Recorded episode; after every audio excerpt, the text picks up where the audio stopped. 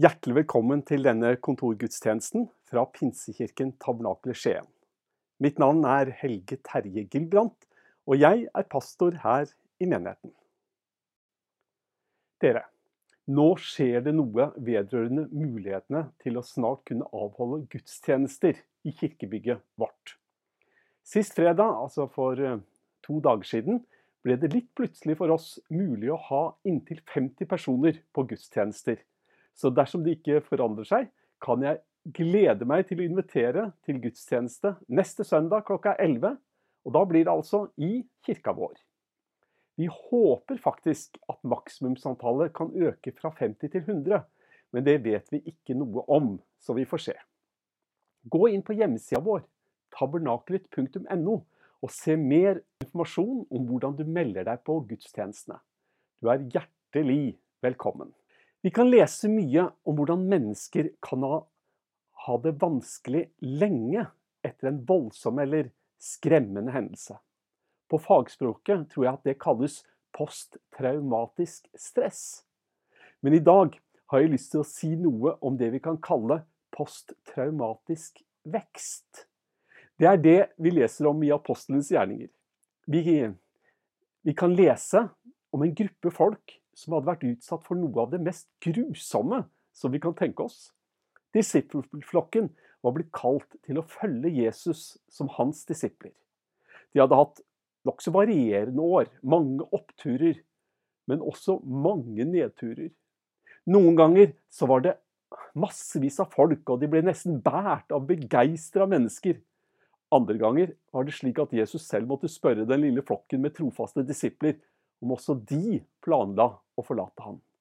Og til slutt så hadde disiplene sett at en av deres egne meddisipler hadde forrådt Jesus. Jesus var blitt arrestert midt på natta, og dagen etter korsfesta og døde i fornedrelse og smerte. Selv var disiplene livredde for at det skulle gå med dem som de hadde sett det hadde gått med Jesus. Men Disiplene skulle se hvordan nederlag ble vendt til seier. Fra nederlaget kom det ikke en posttraumatisk stressreaksjon. Disiplene fikk oppleve en nærmest ufattelig posttraumatisk vekstperiode.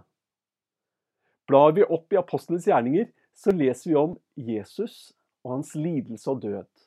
Men vi leser også om Jesus oppstandelse. Vi leser om en forskremt og sørgende flokk av disipler. Men vi leser også om en forandra disippelflokk som frimodig og samla var der i tempelet for å tilbe den Gud de trodde på. Og slår vi opp i kapittel to av apostelens gjerninger, så leser vi om hvordan situasjonen var kort tid etter det som så ut som den endelige avslutning og det endelige nederlaget. Der i kapittel 2, vers 42, står det slik som dette. Disiplene holdt seg trofast til apostlenes lære og fellesskapet, til brødsbrytelsen og bønnene. Hver og en ble grepet av ærefrykt, og mange under og tegn ble gjort av apostlene. Alle de troende holdt sammen og hadde alt felles. De solgte eiendommene sine og det de ellers eide, og delte ut til alle ettersom hver enkelt trengte det. Hver dag holdt de trofast sammen på tempelplassen og i hjemmene brøt de brødet og spiste sammen med oppriktig og hjertelig glede. De sang og lovpriste Gud og var godt likt av hele folket. Og hver dag la Herren til nye som lot seg frelse. For en forandring som hadde skjedd! Vi som kirke har i mer enn ett år vært delvis nedstengt pga. covid-19. Vi vet at det i landet vårt er mange som har opplevd denne situasjonen som særlig tung. Vi kan nesten daglig lese i aviser om mennesker som har vært i store kriser, både økonomisk og rent menneskelig. Vi leser om ensomhet og frykt for å ende opp som ensom. For mange er situasjonen nokså grei, men jeg tror knapt det er noen som ikke har opplevd det siste året som et tungt år. Jeg nevner dette fordi vi ønsker ikke å benekte virkeligheten. Det har vært tungt for mange, både for de som tror på Gud, og de som ikke tror. Men jeg vet at for mange er troen på Gud den store forskjellen. I går, på lørdag, snakket jeg med en person som nettopp hadde vært innlagt på sykehus. Det hadde vært alvorlig, men legene behandling hadde hjulpet, og nå var vedkommende utskrevet fra sykehus. Selv om vedkommende fortsatt er syk og vil trenge videre behandling. Men det vedkommende sa, er viktig å lytte til. Denne personen minte meg om betydningen av troa. Midt i en alvorlig sykdomsperiode fortalte vedkommende om fred og tillit til Guds omsorg for seg og sine. Det var troa på at vi er i Guds hånd som ga fred. Verden er i en pandemi, men dersom det går slik som det nå ser ut, så vil Norge kunne møte høsten med forventning. Forventning om at situasjonen med restriksjoner og nedstengning skal ligge bak oss. Og for kirkene vil det bety at vi igjen kan samles uten påmeldinger og uten maksimumsantall. Men mange mennesker spekulerer på hvordan vil kirken etter covid-19 egentlig se ut? Vil arbeidet blant barna bli slik som det var før nedstengning? Mange er bekymra, og ingen vet med sikkerhet. Men du, jeg har bestemt meg for at jeg vil tro på en posttraumatisk vekst. Jeg tror at når vi ser tilbake på det siste året og ser at ting som vi regna med som så trygt og sikkert bare i løpet av noen få dager og uker viste seg som så lite å stole på, da kan det være at mange vil søke noe som er trygt, selv når alt er utrygt omkring oss. I den boka i Bibelen som heter Hebrebrevet, skriver forfatteren i kapittel 12 om at alt her på jorda er utrygt i motsetning til det som er evig.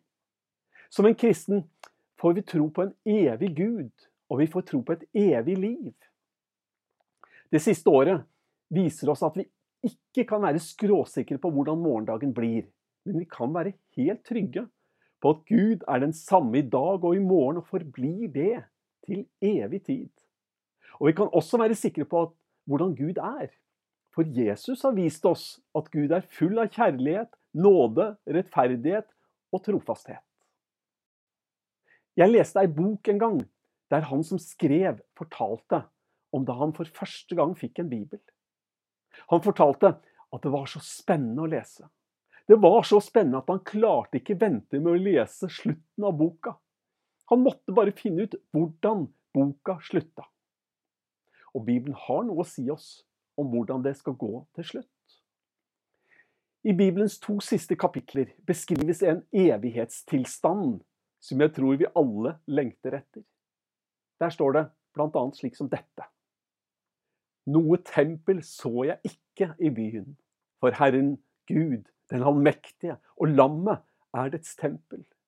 Og trenger ikke lys fra sol eller måne, for Guds herlighet lyser over den, og lammet er dens lys. Folkene skal vandre i lyset fra byen, og jordens konger skal føre sine rikdommer dit.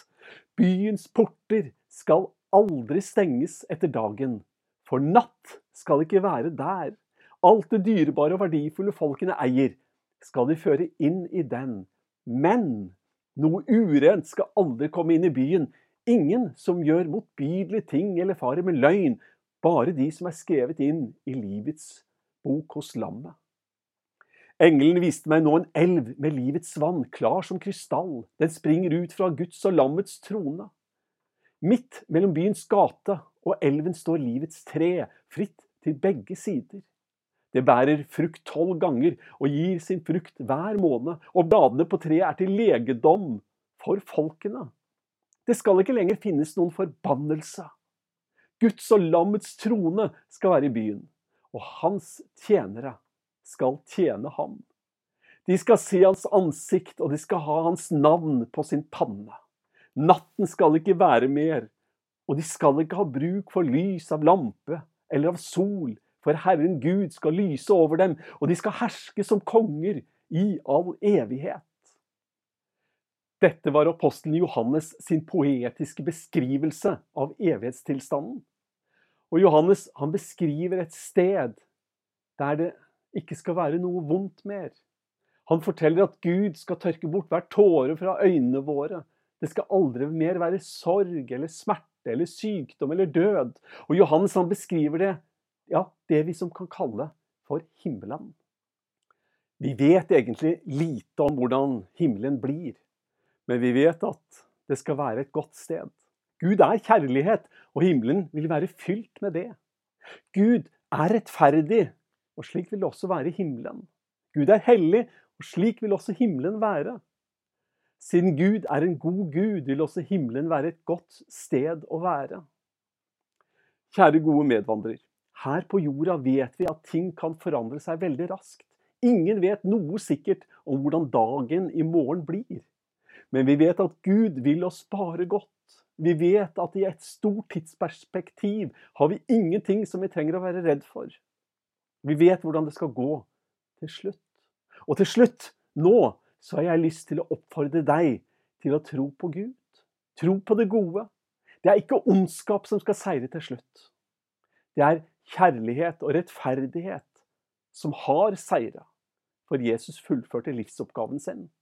Han viser oss veien til Gud, og Jesus sa til disiplene sine, 'Jeg er veien, sannheten og livet'. Og det er slik. Jesus er veien til Gud. Jesus er sannheten om Gud. Ja, Jesus er selve livet i Gud. Så derfor sa Jesus, 'Vær ikke bekymra. Tro på Gud, og tro også på meg'. Ønsker du noen å snakke med, så er du velkommen til å sende en e-post til pastor at tabernakelet. Så vil vi gjerne ta kontakt. Så helt til slutt, ta imot Herrens velsignelse. Herren velsigne deg og bevare deg. Herren la sitt ansikt lyse over deg og være deg nådig. Herren løfte sitt ansikt på deg og gi deg fred.